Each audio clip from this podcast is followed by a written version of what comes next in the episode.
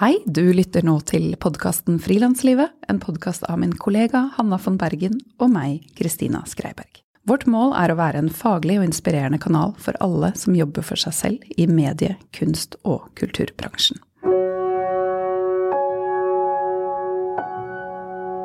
Denne episoden den er sponset av regnskapsprogrammet Fiken. Som frilanser er det mye du skal holde styr på, og mange syns kanskje ikke at regnskap er det letteste å ta fatt i. Fiken har som mål å gjøre regnskap lett. I fiken kan du sende fakturaer, ta bilde av kvitteringer med fiken-appen, levere moms og skattemelding. Alt fra samme sted. Du kan prøve gratis i 30 dager på fiken.no.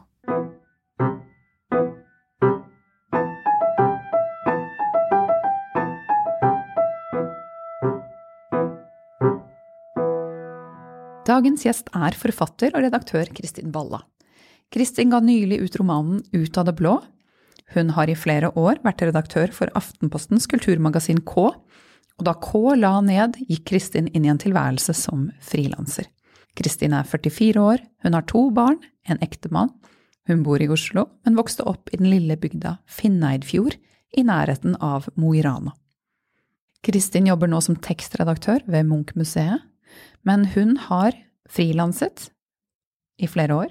Hun er, har erfaring fra redaktørstolen, som er nyttig for oss frilansende journalister, fotografer og illustratører, og kanskje enda flere. Og vi skal snakke med Kristin om det å jobbe frem et eget prosjekt i kombinasjon med andre oppdrag. Hei, Kristin. Hei, Kristina. Så hyggelig å ha deg her. Hyggelig å være her. Hyggelig å se deg igjen, må jeg si. For jeg vil gjerne nevne eh, for lytterne at jeg jo har frilanset for deg. Det har du. Da du ledet K. Og vi har jo vært kollegaer òg, eller sittet ved siden av hverandre. For da jeg, da jeg, jobbet som eh, reportasjeleder for Barneavisen Aftenposten Junior for omtrent syv år siden, så var redaksjonene våre eh, rett ved hverandre. Mm. Så på et profesjonelt plan så kjenner jeg Kristin allerede litt. Ja. ja. Gratulerer med ny bok. Tusen takk. Du har jo gitt ut to romaner tidligere. Men det begynner å bli lenge siden. Så da du begynte på Ut av det blå, hadde du ikke skrevet skjønnlitterært på over ti år. Hvordan var det å ta opp den skjønnlitterære pennen igjen? Nei, det var, eh, det var på tide. Eh, men samtidig så Det var nok ikke sånn at jeg har følt at det var noe som jeg måtte gjøre i de ti pluss årene hvor jeg ikke skrev skjønnlitterært. Det var mer kanskje hvis jeg så det litt fra utsida, at jeg tenkte at det kanskje så litt rart ut at jeg hadde gitt ut to romaner i 20-årene, og så kom det ikke noe mer. Så av og til så kunne jeg nesten bli litt sånn irritert over at jeg hadde de her to romanene, at det, det ble litt sånn uryddig på et vis. Så det var vel egentlig først når jeg fylte 40 at jeg kjente at nå har jeg veldig lyst til å gå inn i det skjønnlitterære igjen.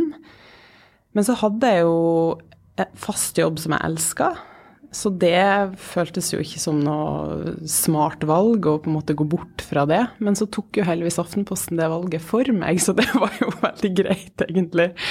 Så da K ble lagt ned og fikk tilbud om sluttpakke, så var det Det var jo trist, selvfølgelig, for jeg elska jo å jobbe med det magasinet, men det var også på en måte Føltes veldig som en sånn Nå, nå må det skje. Men så skjer det jo ikke med en gang, så jeg kava jo rundt i ja, nesten et par år, tror jeg, før jeg eh, visste helt hva jeg skulle eh, ta fatt på. Eh, og da fant jeg en sånn gammel roman i det, som, jeg hadde, som kom i 2006. Som jeg bare hadde hatt liggende på, på laptopen. Og så fant jeg den frem, og så skjønte jeg liksom at det her skal jeg ta fatt i på nytt. Eh, etter alle de årene. Men det å ha en romanidé liggende på laptopen, var den, hang den litt over deg i alle årene da du jobbet i K? Ja, det er et veldig godt spørsmål. Litt så gjorde den det. Jeg husker jo da jeg jobba i K at jeg hadde en sånn, laga meg en sånn tradisjon hvor jeg hvert år før jul, for da var det ofte litt roligere, og vi hadde en liksom sånn julepause i utgivelsene, så pleide jeg å dra bort ei uke eh, til kunne sitte i en leilighet i Berlin, eller fikk lånt meg et eller annet sted. Og så satt jeg og prøvde å, å skrive videre på denne romanen. Eh, og det gjorde jeg flere år på rad. Og så men det, jeg fikk det liksom ikke til, rett og slett. Det ble aldri noe det, Altså, jeg skrev for så vidt produsert mye tekst, men så når jeg så på det igjen, så syntes jeg at det var, det var ikke bra. Så det, det, kunne jeg kanskje kjenne en sånn, litt sånn frustrasjon, men så, så, bare la jeg det til side. Og så tenkte jeg men jeg har jo en meningsfylt jobb, og jeg elsker det jeg gjør. Og det kommer når det kommer, på en måte. Og det, det var jo litt det som skjedde òg. Men jeg tror kanskje den store forskjellen var for meg at jeg eh, For det jeg til slutt gjorde, var at jeg jobba frilansa masse en hel vår. Og så sa jeg til meg sjøl at nå skal jeg ha en høst der jeg kun jobber med denne boka. Jeg gjør ingenting annet. Eh, og da går det jo fra å være et sånt hobbyprosjekt til å bli jobben din. Og for meg så var det tror jeg, litt nøkkelen. Da måtte jeg. Jeg måtte bare få det til. Fordi at nå hadde jeg investert så mye, og det å ha for familien min òg at jeg skulle ha en hel høst uten inntekt da forplikter du deg jo til å faktisk levere noen ting. Så, det, så da, da, skjedde ting. Eh, da hadde, og da hadde jeg allerede liksom tenkt en del på det i, i forkant. Så, så, det gikk heldigvis bra, da. Så det, et, det ble et sunt press? Ja, det ble et sunt press. Og jeg merker at jeg trenger press for å få gjort ting. Eh, jeg, må ha, jeg, jeg tror bare det at jeg hadde en deadline. Jeg sa til meg sjøl jeg skulle ha klart det førsteutkastet til jul. Eh, og da jobba jeg jo videre med ting som jeg hadde hatt liggende, da. Men eh, det er jo nesten ingenting av det opprinnelige som er med i boka i dag. Men jeg, jeg jobba videre med det. Eh, så, så, det at jeg hadde den der At jeg skulle sende det til redaktøren min skulle, Han hadde noen konsulenter som skulle lese, så det var folk som satt og venta på det stoffet. Det tror jeg var veldig bra. Det er jo også litt sånn skummelt, men, men det var mest bra. Hvor satt du i den perioden? Jeg satt i sofaen hjemme, faktisk. Eh, fordi det var jo den Altså, da var ungene mine på skolen, og jeg syns egentlig det var deilig etter å ha jobba på kontor i så mange år. Da hadde jeg støtte på kontor i ti år det der å bare ta på seg joggebuksa og sitte under et pledd med en kopp te og fyre peisen, og det funka veldig bra for meg eh, det halvåret. Og så satt jeg av og til litt på Nasjonalbiblioteket og sånn også, men mest egentlig bare hjemme. Og så skrev jeg stort sett fra sånn halv ni, da forsvant uh, ungene ut døra, og så kom de hjem sånn halv tre da, du, du, klarer liksom ikke å skrive skjønnlitteratur i åtte timer, eller jeg gjør i hvert fall ikke det. Da er du ganske sånn ferdig. Så da kunne jeg gjøre sånn svar på mail og sånne ting hvor det ikke var så farlig at det var andre folk til stede, da. Men jeg har det veldig sånn at når jeg skriver eh, skjønnlitterært spesielt, da, men også for så vidt hvis jeg skal jobbe med lange tekster, så liker jeg å sitte helt i fred. Jeg blir veldig forstyrra av Spesielt hvis det er én eller to mennesker. Jeg kan, kan, sitte på kafé hvor det er veldig mange, og det er bare sånn bakgrunnsstøy, men det å ha andre personer i rommet syns jeg er veldig forstyrrende. Så det fungerte bra å ha det sånn. Det er jo ikke så lett å finne den ideelle skrivetilværelsen. Om det innebærer å ta seg fri i flere måneder, eller å stå opp klokka fem hver dag, eller eh, Ja, altså de fleste må jo jobbe samtidig som man skriver.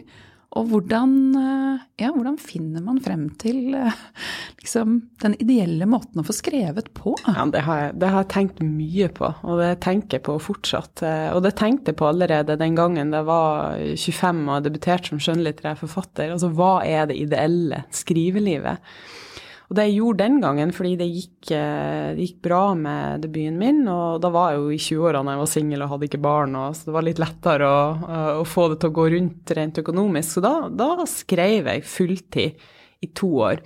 Og da fikk jeg på en måte prøvd ut den forfatterdrømmen jeg hadde hatt om å bare gjøre det. Men det jeg oppdaga, var jo at det var jo egentlig heller ikke ideelt. Fordi når du jobber med, med bøker, så har du så du jobber med en sånn utrolig lang horisont. Du har kanskje Du har jo på sett og vis en deadline om to-tre år. Og for meg så, så savner jeg veldig der også ha det der litt kjappe, og se at ting materialiserer seg, at det blir noe av, at du får litt feedback. Eh, så etter hvert, så, både fordi jeg måtte, men også fordi jeg hadde lyst, så, så frilansa jeg mer og mer. Og så fikk jeg barn, og da, da, var jeg egentlig litt sånn klar for å ha fast jobb igjen og litt mer faste rammer, da. Så da gjorde jeg jo det en lang periode. Og når jeg nå tok det her halve året eh, hvor jeg bestemte meg for at nå skal jeg kun skrive bok, så skjedde jo det at jeg sa jo nei til ting. Og jeg merka jo etter det halve året så var det vanskelig å komme tilbake eh, til de oppdragsgiverne. De hadde enten funnet noen andre, eller så hadde de kanskje fått eh, kutt i noen budsjetter som gjorde at de ikke hadde behovet lenger. Eh, så da uh, fikk jeg den tanken om at jeg skulle prøve å finne meg en deltidsjobb, sånn at jeg hadde noe fast, og så kunne jeg skrive noen dager i uka. Og så fikk jeg en utrolig fin jobb på Munch-museet, som eh, jeg håper å si dessverre ikke er deltid. I hvert fall ikke nå. Men, eh, men, jeg tror nok at kanskje for meg så ville det vært en sånn tilnærma perfekt tilværelse, da. At du har noe stabilt, og så har du et par dager i uka hvor du kan enten skrive bok eller, eller gjøre andre ting, da. Fordi den forfattertilværelsen rent økonomisk er jo veldig eh, usikker man vet jo aldri hvordan det går med de her bøkene. Så det, jeg tror de færreste klarer å, å lage seg en tilværelse hvor det er det eneste man gjør. Det er kanskje noen få som får til det. Ja, du, og du forteller jo her at, at, det å skrive roman kan jo ta flere år. Mm. Hvordan har du klart å motivere deg til å fortsette? Ja, det har jeg også jobba mye med, og det, der føler vel litt at jeg har lært meg sånne triks eh, når jeg har skrevet den boka her, som har gjort det lettere for meg. For jeg husker spesielt når jeg skrev bok nummer to da jeg var i 20-årene, så det syns jeg var veldig tungt, husker jeg. Jeg syns det var en sånn tung prosess å, å, få den ut. Det var kanskje litt at jeg følte at jeg burde skrive bok til, og så vet jeg ikke om jeg egentlig var helt klar for det. Men eh, det som jeg gjorde denne gangen, var at jeg Altså, det mest sånn lammende for meg er hvis jeg åpner laptopen, og så tar jeg frem en sånn hvitt eh, skinnende Word-dokument, og så tenkte jeg at her skal det skje geniale ting. For det gjør det jo nesten aldri. Og da, da, kjenner jeg at jeg kan bli helt sånn paralysert av det. Og miste veldig mye av arbeidslysta og motivasjonen. Jeg sitter og nikker, jeg er helt enig. Men eh, så det som, jeg, som, var litt sånn åpenbaring for meg, det var faktisk for noen år siden så leste jeg ei bok av en forfatter som het Anne Lamotte, eh, som het Bird by Bird, altså fugl, fugl etter fugl. Eh, eh og så har den undertittelen Some Instructions on Writing and Life. Og hun skriver nettopp om det her, liksom, den, liksom tre, det å komme i gang, da. Eh, og hun har et eh, begrep å operere med som heter 'shitty first drafts', som er rett og slett at du bare skal skrive ut et litt sånn eh, drittutkast da, eh, til å begynne med. Et førsteutkast som ikke er på noen som helst måte perfekt, men det er på en måte en, en sammenhengende tekst. Og for meg så var det utrolig inspirerende. Jeg diskuterte her med en annen skribentvenn av meg forleden som som har gått på skrivekurs, og der kalte de det for slumreskriving, som jeg også syns var et veldig sånn fint begrep. Fordi det beskriver jo egentlig en prosess der du bare får ting litt ut, eh, men det skal ikke være eh, det derre perfekte, sammenhengende, flotte, språklige, fullendte manuset. Eh, og jeg holdt på sånn veldig lenge. Eh, så det som jeg har skjønt nå, at det som hjalp meg veldig, var egentlig at jeg hadde de der sidene som var dårlig. Det var ikke sånn at jeg skulle begynne fra scratch. Jeg hadde jo noe materiale allerede, så sjøl om jeg syntes at det var mye ved det som ikke fungerte, så kunne jeg på en måte ta tak i det, og så bare putta jeg det liksom inn i et dokument, og så jobba jeg i et sånt rotedokument veldig lenge. Eh, og det syns jeg var bra. En annen ting som jeg også har eh, lært meg, det er at man trenger ikke å begynne med begynnelsen på ei bok jeg syns det er veldig tungt eh, å begynne. For oftest du å, den første sida må være så utrolig fengende, så den første setninga, egentlig. Og det kan også være litt sånn eh, liksom frata deg litt den der eh, lysten til å sette ned. Så nå har jeg begynt på et nytt manus, og nå har jeg rett og slett begynt midt i boka. Så nå skriver jeg eh, meg fra midten og ut, for det, det, var det jeg hadde lyst til. Og da tenker jeg det er jo ingen regel om at jeg ikke om at jeg må begynne på begynnelsen. Så da tenker jeg da gjør jeg det.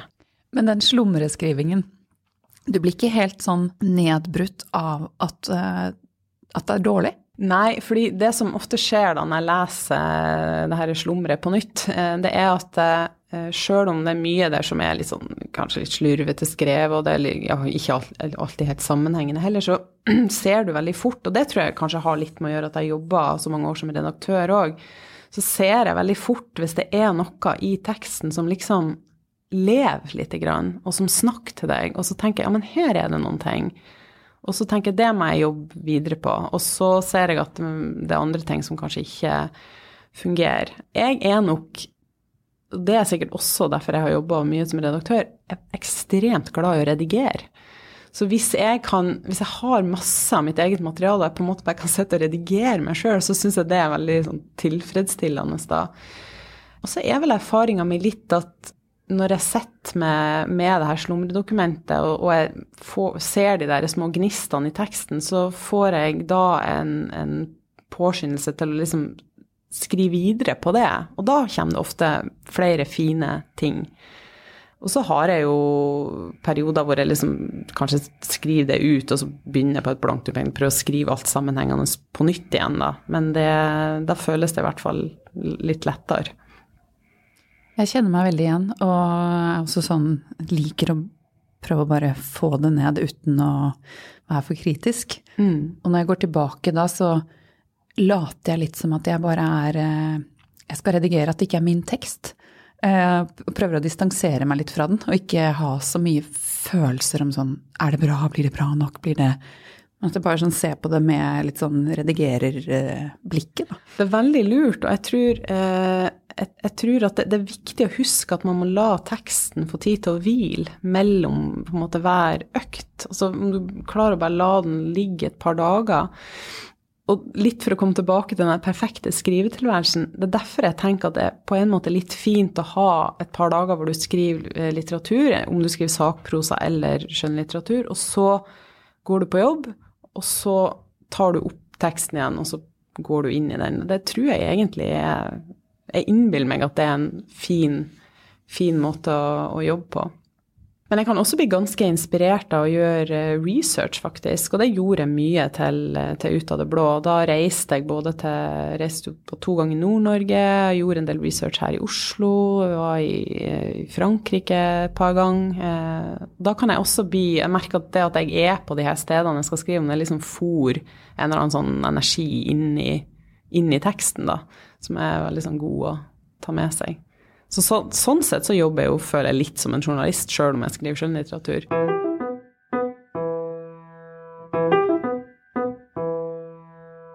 Har du hatt eh, stemmer i hodet underveis som har jobbet eh, mot deg? Hva tenkte du på da? Tvil. de, de, de, stemmene som sier sånn 'Det her klarer du ikke, Kristin. Det får du ikke til. Det kommer aldri til å gå bra'. Som vi alle dessverre har. Ja, det har vi. Og jeg tror du har det masse, særlig med, med skjønnlitteratur. Jeg sa det faktisk til redaktøren min, at jeg kan, når det gjelder journalistikken og det å jobbe som redaktør, så føler jeg at jeg har ganske god selvtillit og tenker at det her, det mestrer jeg. Jeg har gjort det i mange år, eh, og, så det får jeg til. Men med en gang jeg setter meg ned med eh, særlig skjønnlitterære tekster, så, så, blir jeg jo akkurat som en sånn liten unge, altså. Så usikker på så mange ting.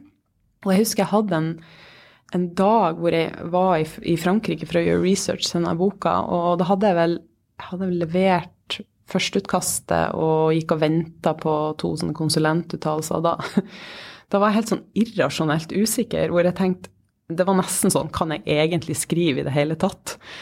Uh, så, uh, så det får man jo. Men uh, der har jeg bare lært meg at det går jo over. Du har jo faktisk også, det er nesten litt flaut å si det, også perioder hvor du, i hvert fall jeg kan ha det, at jeg tenker at å, det her er genialt. og så er det jo stort sett kanskje ikke så fryktelig genialt, men så det går litt sånn Det går litt sånn i bølger, det der. Og jeg husker jeg debuterte og snakka jo med, med, masse erfarne forfattere som sant, har vunnet Nordisk råds litteraturpris og, og Brageprisen, og, og, de sa til meg at det der blir, det blir bare verre. Det blir aldri bedre. Så det tror jeg man må bare tenke at sånn er det litt. At man har eh, perioder med masse usikkerhet, og så har man perioder hvor man tenker at nei, nå går det bra, og nå går det, liksom, nå går det kjempebra. ja. Nyter du å skrive? Ja, jeg gjør det. Og det har for meg kanskje vært den store forskjellen på det å komme tilbake til forfatterskapet mitt i 40-årene eh, kontra det å være en, sånn, en 20-åring som satt og skrev. Fordi nå er jeg mye mer opptatt av at jeg skal ha det gøy, rett og slett. Eh, jeg tror når jeg var i 20-årene, så var jeg så jeg tok alt så, Det var så alvorlig alt sammen. Jeg skulle liksom skulle liksom være så seriøs, og alt var så Skulle liksom bidra til, til litteraturen og Men nå er jeg litt mer sånn Altså, de fleste av oss, vi, vi, kan skrive og skrive og skrive et helt liv, og hvis vi er heldige, da, så får vi til noe som er skikkelig, skikkelig bra innimellom. Det får vi håpe. Eh, men så tenker jeg at mest sannsynlig, da, hvis jeg skal ha et langt forfatterskap, så kommer jeg sikkert også til å skrive ting som er ja, kanskje sånn greit, eller eh, eller, ikke, eller, jeg hadde en idé som jeg ikke helt lyktes med. Så ble det kanskje ikke helt sånn som jeg trodde. Og det er også verdifullt, da, for det, jo, det er jo en øvelse, og det, det, kanskje, det gjør også at du kommer dit hvor det, det blir virkelig, virkelig bra. Men så tenker jeg at ok, nå har jeg det her ene skrivende livet mitt, så skal jeg i hvert fall sørge for at jeg har det, at jeg holder på med artige ting. da, At jeg koser meg litt mens jeg driver på med det. Så den der tanken om at du, du skal, skal, liksom lide for kunsten og For meg er det en veldig fremmed tanke å tenke at jeg holder på med, med å bruke sånne begreper om det jeg driver med uansett. men jeg satt på Munch-museet om dagen og så på et bilde som Munch har lagd av Det er vel et slags selvportrett av en mann da, som har masse sånn blod rennende ut av, av buken, og opp fra det her blodet så stiger en sånn fantastisk blomst. og det er vel et slags bilde på, på, kunstnerens lidelse, og at ut av denne lidelsen så skal det komme masse vakker kunst. Men for meg så Jeg tenker at jeg skal ikke lide.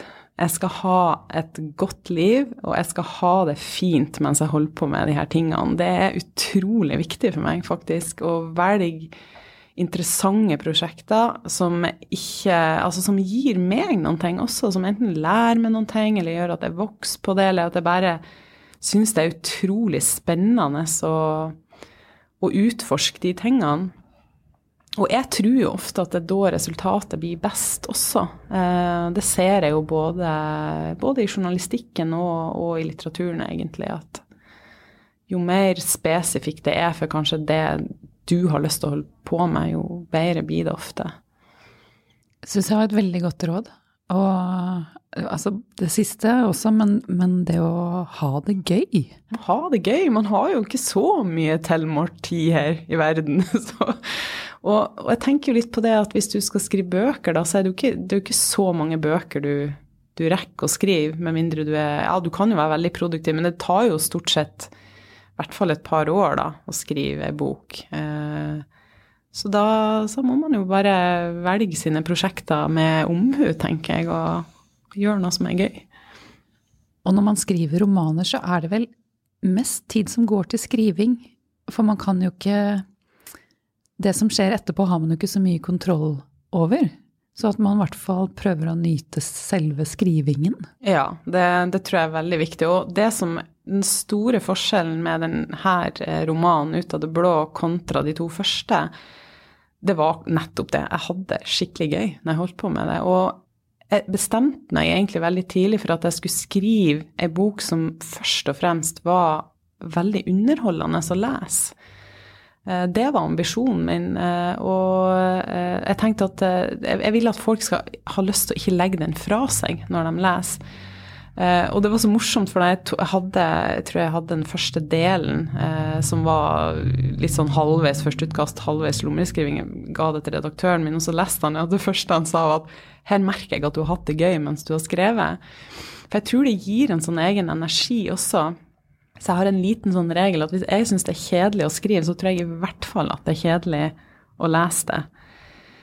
og så handler det jo litt i skjønnlitteraturen om å Du er jo sammen med de karakterene dine hele dagen. Det er jo det, For meg er det det, det det, mest ensomme arbeidet jeg har, er å skrive skjønnlitteratur. Fordi du har ingen du kan spørre om råd, egentlig, når du setter inn i teksten. Ikke, I hvert fall ikke på et sånn tidlig stadium. Så du har egentlig bare de menneskene som du har skapt sjøl. Det er litt sånn som når du var liten og du hadde liksom usynlige venner. Men det er rart med det, de føles jo veldig virkelige etter hvert, da. Eh, og de lever jo nesten litt sånn sitt eget liv. Eh, og jeg merka når jeg var ferdig, så måtte jeg jo Hovedpersonen Elin, som jeg skrev i første person, hun måtte rett og slett Jeg merka at når jeg begynte å skrive andre ting, så skrev jeg fortsatt som hun. Så jeg måtte på en måte skrive henne av meg og, og kvitte meg med henne. Så det var litt sånn trist, nesten. For jeg hadde jo vært sammen med henne i to-tre år. Så det er rart med det. Hvem pleier å gjøre mest innsats? Altså er det forlaget eller forfatteren selv? Og hvor mye som forfatter skal man være innstilt på å bidra i, i det, det, arbeidet? Jeg tror du skal være innstilt på å bidra veldig mye. Altså nå har jeg et forlag, altså Kagge, som er helt rå på å jobbe med bøker. Eh, så de har gjort enormt mye for boka mi. Og det, det, er ting som, eh, som, eh, kan være viktig, som f.eks. timing, altså når den kommer ut. Så vi gjorde en sånn vurdering Det var et ønske fra meg veldig tidlig, og det var forlaget veldig enig i, at denne boka bør komme tidlig på bokhøsten, fordi jeg har vært borte veldig lenge. Eh, det er ikke sikkert folk husker meg. Eh, det er en hel generasjon med nye lesere og bokhandlere som jo knapt var født når jeg ga ut bok, den første boka mi. Så, så, vi bestemte oss for å ha en veldig tidlig lanseringsdato i starten av august. Det tror jeg har vært så viktig for den boka. At den eh, fikk en sånn eh, Kom liksom tidlig ut eh, fra startlinja. For da er det ofte lettere å få anmeldelser, det er lettere å få god plassering i bokhandel, alle de tingene som er viktige. Og ikke minst å få, få bokhandlerne sjøl til å faktisk lese den, som jeg opplever at de har gjort, eh, gjort med, mye med boka mi, da. Og så er det bare å eh, stille opp på alt man kan. Eh, du vil sannsynligvis når du ikke på en måte er eh, Lars Saabye Christensen eller Ingmar Ambjørnsen eller Vigdis Hjorth, så vil du nok oppleve noen gang at du kommer på et arrangement, og så er det kanskje ikke sånn kjempemange der. Og det, det opplevde jeg sist også, at du sitter der, og så er det fire stykker, og så er det du og en annen forfatter som både sitter og snakker litt til hverandre, nesten. Så smertefullt. Men det tror jeg er liksom en del av det når du er i ferd med å, med å etablere deg, og du må tenke at det får man bare ta. Um, men du kan gjøre masse, og jeg en forfatter som har inspirert meg veldig eh, på mitt eget forlag. Da. Nå er jeg på et forlag som primært gir ut sakprosa. Det er eh, Anne Sverdrup Tygeson som, som har skrevet bok om insekter. Fordi hun, hun deler masse på Facebook og på Instagram og på Twitter som ikke bare handler om hennes egen bok, men om hele det her insektuniverset. Hun er så utrolig begeistra for det fagfeltet hun driver med. Da, og det, det, gjør at hun får mye, skaper mye engasjement rundt det hun sjøl driver med. Så det syns jeg er veldig inspirerende. Det kan være litt vanskeligere med skjønnlitteratur. Sakprosa har man ofte mer å snakke om, da. Eh, skjønnlitteratur er jo kanskje en litt mer sånn introvert sjanger. Men eh, jeg hørte akkurat på Jan Kjærstad som satt og snakka om boka si, og det er noe med at eh, det er mange der ute som er flinke til å, til å fortelle historier rundt egne forfatterskap, da. Så det er bare å kaste seg uti det, sjøl om, eh, selv om det er nervøst.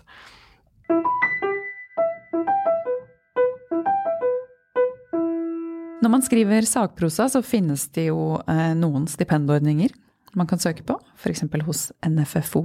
Og Fritt Ord kan eh, noen, noen sakprosabøker kan passe inn under deres stipendordning. Men skjønnlitteratur, eh, der lurer jeg på altså, hvor mye tjener man egentlig på å skrive romaner? Tjener stort sett veldig lite. Eh, tjener, det som er fint med skjønnlitteraturen, eh, det er jo at du nesten alle tilfeller så vil boka di bli kjøpt inn av bibliotekene. Det som kalles for innkjøpsordninga. Så det betyr at der, der har du liksom en sånn slags garantiinntekt, og så får du stort sett et forskudd fra forlaget i tillegg. Så, så du vil jo i, i, hvert fall tjene en, rundt kanskje en 150 000, nesten uansett hva boka di selger. Men hvis du tenker på at du da har kanskje brukt to-tre år på å skrive den, så er jo det ganske dårlig timesbetaling. Eh, fordi noe utover det, så da må du gjerne få boka trykt opp i et opplag til, og så skal jo det opplaget ut av butikk, og eh, Så det er jeg vil si at det er kanskje bortimot det dårligst betalte frilansarbeidet du kan gi deg i kast med, er å skrive eh, skjønnlitteratur. Eh, med mindre du da skriver en bestselger, og det kan jo plutselig skje eh, at man gjør. Så eh, nå holder jeg på å skrive sakprosa, faktisk. Og jeg, for meg så Jeg har alltid likt å veksle mellom de to sjangrene. Jeg har skrevet sakprosa før også. Fordi det er veldig mye lettere å få støtte til det. Det finnes jo det som er Statens kunstnerstipend, som du kan søke eh, for å få arbeidsstipend som skjønnlitterær forfatter. Det som er forskjellen på de stipendene kontra eh, stipendene til NFFO og Fritt Ord, det er at når du søker eh, da Norsk faglitterær forfatter- og oversetterforening eller Fritt Ord, så søker du på prosjekt. Så de vurderer prosjektet ditt. Når du søker Statens kunstnerstipend, så er det på en måte i, du blir vurdert ut ifra din, eh, hva skal vi si, din verdi da, som, som skjønnlitterær forfatter. Og der kjenner i hvert fall jeg på at det er sånn at orker jeg å jobbe med den søknaden? Ofte er svaret nei, fordi du tenker at det er så vanskelig å, å nå opp. Så, um, så det, er, ja, det er vanskeligere å få, å få eh, de stipendene, vanskeligere å få støtte. Eh, du har kanskje mer å bevise i det lange løp for at du skal komme, komme inn under de stipendordningene der. Så, så, det kan være lurt å, å kanskje kombinere begge sjangre lite grann, da. Eh, og jeg syns også det er fint sånn, for det gir en sånn fin dynamikk til, til skrivearbeidet. Men så er jo Så kan du si at det er jo relativt Den eneste kostnaden som er knytta til det å skrive skjønnlitteratur, er jo tid. Du bruker jo veldig lite annet. Kanskje du må reise litt for å gjøre research noen gang, men, det, men mange skriver jo stort sett ut fra sine egne erfaringer. Så, så hvis man klarer å få rydda kanskje én dag i uka, eller så, så kan det jo til slutt materialisere seg en, en roman eller novellesamlinger. Mm. Jeg vil gjerne snakke litt eh, om tiden eh, i K. Mm. Eh, hvor du var redaktør i fem år. Sitter du igjen med noen sånne ja, do's and don'ts som frilansere eh, bør, bør ikke gjøre? Med tanke på å pitche ideer eller eh, ja, prøve å få saker, bilder, illustrasjoner osv. på trykk i et magasin. Vi kan jo starte med litt sånn hvordan eh, kommer man gjennom til en redaktør? Nei, altså det eh, Det som var min erfaring, var jo at eh, jeg, jeg likte veldig godt å jobbe med ideer som kom fra skribentene sjøl. Så den enkleste måten å komme gjennom hos meg, var vel egentlig å komme med en god idé til noe man hadde lyst til å skrive, og gjerne noe som kanskje ikke så mange andre skrev om. Eh, jeg husker veldig godt eh, Jeg hadde en frilanser som kom Det var litt sånn i K at folk hadde veldig lyst ofte å skrive om film og TV og, eh, og kanskje litt litteratur, men det var andre ting som var vanskeligere å finne frilansere. Og jeg husker det var en som kom og sa han ville gjerne skrive masse om teater, og da var jeg sånn Ok, når kan du begynne? For det hadde jeg rett og slett ikke funnet noen som hadde lyst til å dekke. Og så tror jeg litt på det der, og, og jo mer nerdete det er, altså jo ofte så kan det være lett å, å, komme gjennom. Men man må jo selvfølgelig også tenke på hva slags verdi det her skal ha for, for leseren. Sette seg godt inn i hva er publikummet til den publikasjonen du henvender deg til. Vise at du har gjort hjemmeleksa di, at du vet hva magasinet er for noe. For det opplever jeg av og til at folk som ikke helt hadde forstått hva vi drev med, og da, da er man, lett å på en måte bare eh, ikke gå videre på det, da. jeg husker, jeg husker, ikke hvem som sa det, men det er bare sånn jeg har bitt minne i. Og det, det, er noe med å finne de der historiene som bare du kan skrive. Og det tenker jeg ofte på når det gjelder både journalistikk og bøker. At jeg, ofte så kjenner vi sikkert litt på, eller jeg kan i hvert fall kjenne litt på, at jeg har så mye sånn jeg har sånn rar bakgrunn. Eh, at jeg har gjort mye rare ting. Eksempel så jobba jeg jo tre år i motemagasin, og det har jeg ofte tenkt sånn, men det passer jo ikke inn i noen ting annet jeg har gjort, og det er en veldig sånn rar ting å ha på CV-en for meg, da. Eh, men det var jo på en måte litt foranledninga for at jeg skrev den romanen her. Jeg skriver jo mye fra Hovedpersonen jobber i moteblad, og skriver fra det miljøet eh, også, i tillegg til å skrive fra Nord-Norge. Eh, så jeg tror litt på det, og istedenfor å tenke på, at, eh, på alt man har gjort, kanskje gå og lure på hvor alt passer inn, så bare tenk at det er den kombinasjonen liksom, som du må bruke til noen ting. Og det merka jeg nå når jeg skulle søke stipend hos NFFO, så hadde jeg to prosjekter som jeg hadde liksom gikk og tenkt på. Det ene var et som jeg tenkte at det her kommer jeg til å få støtte til, for det er så veldig sånn politisk korrekt. Og det andre var veldig sært, og jeg tenkte at det her er ingen andre enn meg som egentlig er interessert i. Men så kjente jeg liksom at det jeg hadde lyst til, var jo å skrive på det sære. Så det var det jeg endte opp med å søke penger om, og fikk penger. Så jeg tror Jeg har litt trua på det, altså. Det der også eh, å reindyrke litt eh, den kanskje litt sånn sære, smale interessen du har, eller tenke at har du noe fagkompetanse som er spesielt for deg, eller et, en sum av en masse erfaringer som er spesielt for deg, ikke bla gjennom eh, magasiner eller eh, se på liksom hva alle andre gjør. Jeg har veldig trua på å ikke være så opptatt av hva alle andre gjør, men tenk litt på hva, hva er det du kan gjøre? Hva er det akkurat du er best på? Og, og har liksom kompetansen og erfaringa til å til å gjøre. Nå kjenner jeg at jeg kommer inn i en sånn modus hvor jeg begynner å sitere Oprah Winfrey. Det gjør jeg ofte når jeg skal bli sånn livsvisdom. Fantastisk. Ja. Oprah Winfrey hun har sagt det en gang at uh, Hun snakker om det med flaks. Og så har hun sagt at uh, luck is when preparation meets the moment of opportunity. Og det tror jeg veldig på. Uh, og det er litt det der vi snakker om, det med å sitte og skrive på ting som ikke nødvendigvis blir like fantastisk som man har tenkt. Men jeg tror alt det arbeidet du legger ned eh, Før eller siden så har du et erfaringsgrunnlag og en kompetanse som er helt unik, og så kommer det et øyeblikk, og da må man bare sørge for at man klarer å gripe det øyeblikket og kjenne at nå, nå må, ikke, nå, må, nå må, man ikke høre på de stemmene som sier at det her får du ikke til, da må man, må man gjøre det. Enten at du har en forlagsredaktør som sier til deg mm, men det her kunne jo du skrevet ei bok om. Eller at en redaktør som sier 'har du lyst til å lage en, eh, en artikkelserie om det', eller, og da, da, da, må man slå til.